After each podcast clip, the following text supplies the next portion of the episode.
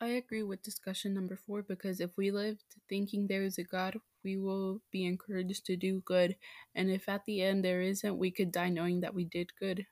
that we were good people. And if we lived like there wasn't a God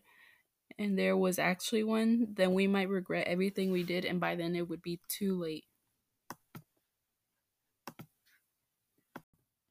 I agree with discussion number two because everything we do is followed by a choice, and all the choices we make are important because it will affect us either in the long or short run.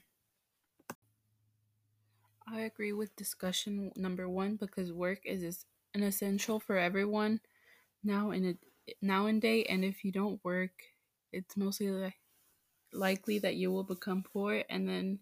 if you work soullessly, then it's like you're dead because if you need a job, you will stay at that job for a while, and sometimes you might not even like the job, and it will make you feel mindless because you don't you're doing something that you don't like.